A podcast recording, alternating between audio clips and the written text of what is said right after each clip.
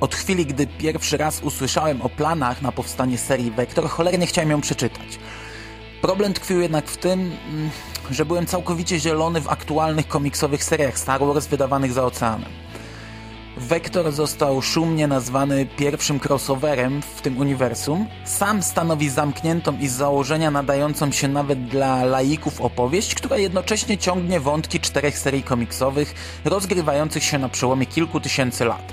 Rycerzy Starej Republiki, Mrocznych Czasów, Rebelii i Dziedzictwa.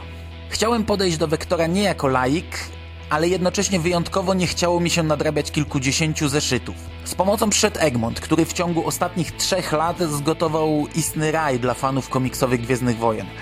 Zanim w Polsce dobrnęliśmy wreszcie do Wektora, minęły ponad dwa lata częstego, regularnego wydawania czterech albumowych serii. I dla tych, których nie stać na to, by co 2-3 miesiące upłynniać 40 zł na komiks, a tym bardziej dla tych, którzy dopiero teraz zainteresowali się rozszerzonym uniwersum Star Wars, Vector jest na pewno ciekawą, zamkniętą serią i wydatkiem nieprzekraczającym 80 zł.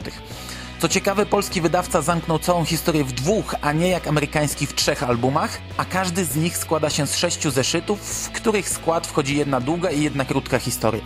Vector zachowuje też oryginalną numerację w poszczególnych seriach i tak na otwarcie dostajemy piąty tom Rycerzy Starej Republiki, czyli opowieści, która rozgrywa się niecałe 4000 lat przed filmową trylogią. Na początek może kilka zdań o mojej przygodzie z tą serią. E, wszyscy wkoło piali, jaki to cudowny komiks, jak wspaniała historia, kapitalny humor, genialne rysunki. Mnie natomiast zwyczajnie nic się tu nie podobało. Humor początkowo strasznie mnie odrzucał, a rysunki wyjątkowo kiepskie.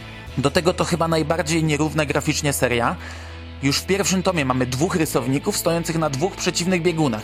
Drugi tom to trzy różne historie i trzy całkowicie odmienne style. Dopiero od czwartego tomu coś u mnie zagrało i Kotor zaczął wchodzić gładko.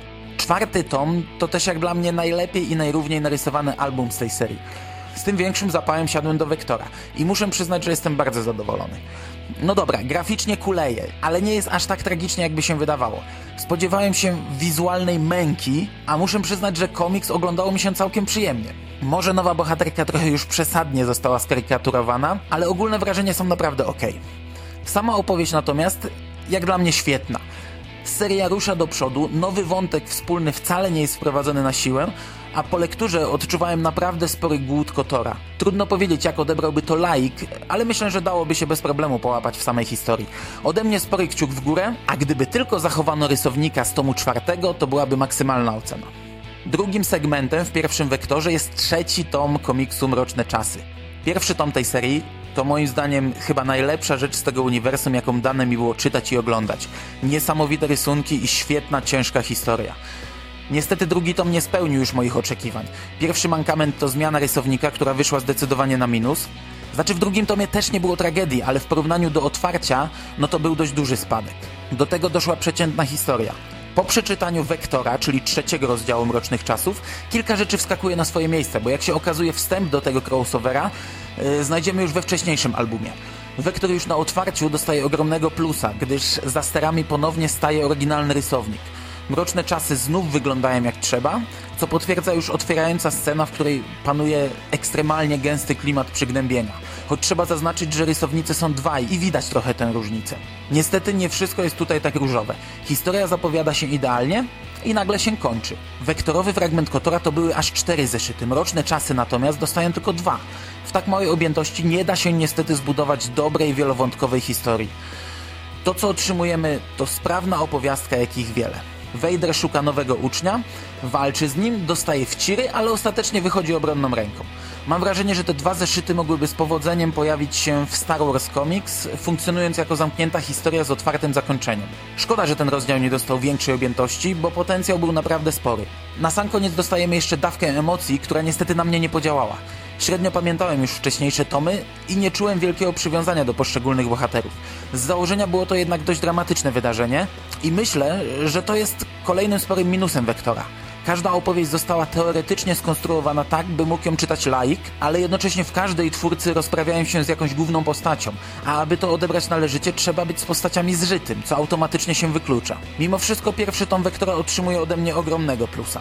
Bezpośrednio po lekturze byłem bardzo zadowolony i bardzo czekałem na zamknięcie historii z crossovera, ale także na rozwój poszczególnych serii, bo tak jak sam Wektor teoretycznie można czytać bez znajomości wcześniejszych albumów, tak kolejnych tomów bez Wektora nie ma co ruszać, gdyż ten ma naprawdę bardzo duży wpływ na rozwój dalszych wydarzeń.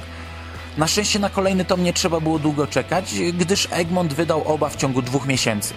Vector 2 otwiera czwarty tom Rebelii i jest to seria, której dotąd nie dane było poznać polskim czytelnikom.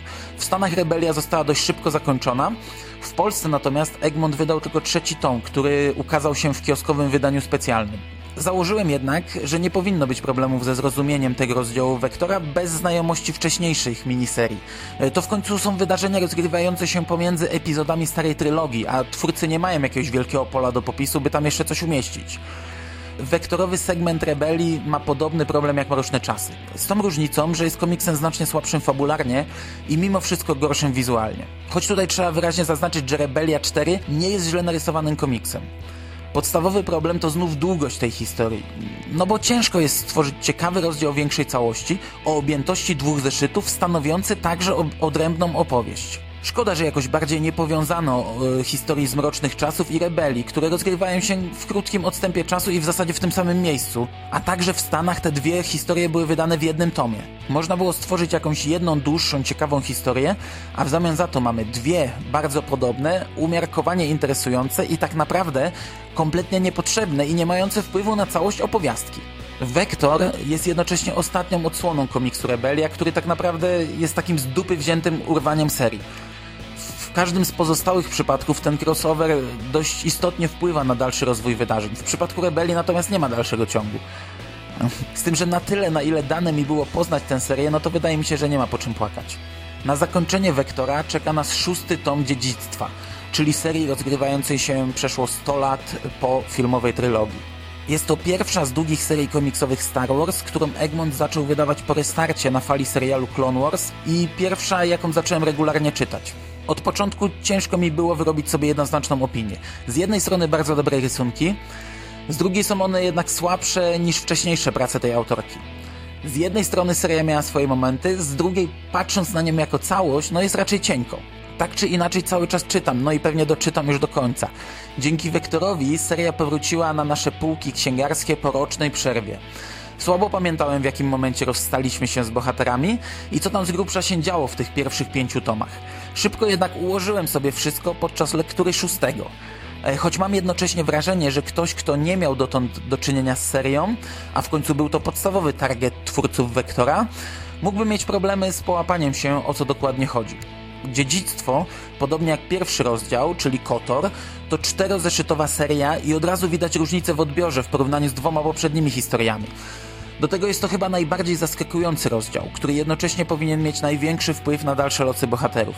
Ten tom naprawdę wprowadza rewolucję i wywraca serię do góry nogami. Choć jednocześnie odnoszę wrażenie, że do całego ciągu wydarzeń, jaki miał miejsce w tomie szóstym, w zasadzie nie był potrzebny wątek wspólny Wektora. No i na koniec moje wrażenia ogólne po całej serii, a te są raczej pozytywne. Ale jednocześnie zdaję sobie sprawę, że można było to zrobić znacznie lepiej. W zbyt wielu przypadkach główny wątek był dołączony na siłę, który był tam tak naprawdę zbędny, bo historia broniła się sama. Cały wektor to lektura przyjemna, ale gdyby lepiej to przemyśleć, to mogło wyjść coś naprawdę wielkiego. No niestety nie wyszło. Szkoda, bo potencjał był naprawdę ogromny, Mimo wszystko jednak, jeśli chcemy zapoznać się z czymś dłuższym z tego uniwersum, a nie chcemy wkopać się w niekończącą się serię, no to Vector jest chyba najlepszym rozwiązaniem. Can you take me home?